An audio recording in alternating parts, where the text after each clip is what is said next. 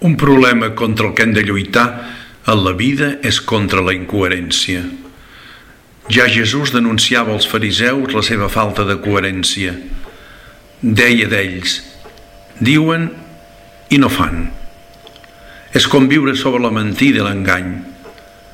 Pau VI va dir que el feia patir molt al veure cristians que afirmen la seva fe en Jesucrist, però la seva vida anava per un altre costat, o sigui, no hi havia unitat entre fe i vida. Hi ha cristians que al seu dia a dia no es diferencien en res dels que no tenen fe.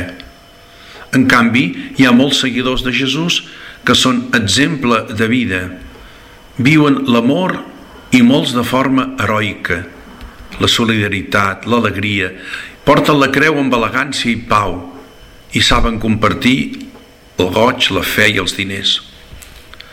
Sí, Jesucrist i els valors evangèlics han d'informar la nostra vida cristiana, informar la vida de família, del treball, l'economia, el temps lliure, les amistats.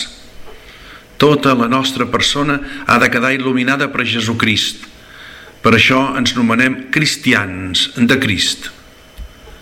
Els fruits de viure en coherència cristiana són el goig profund i la llibertat del cor. Lluitem, doncs, contra la dispersió.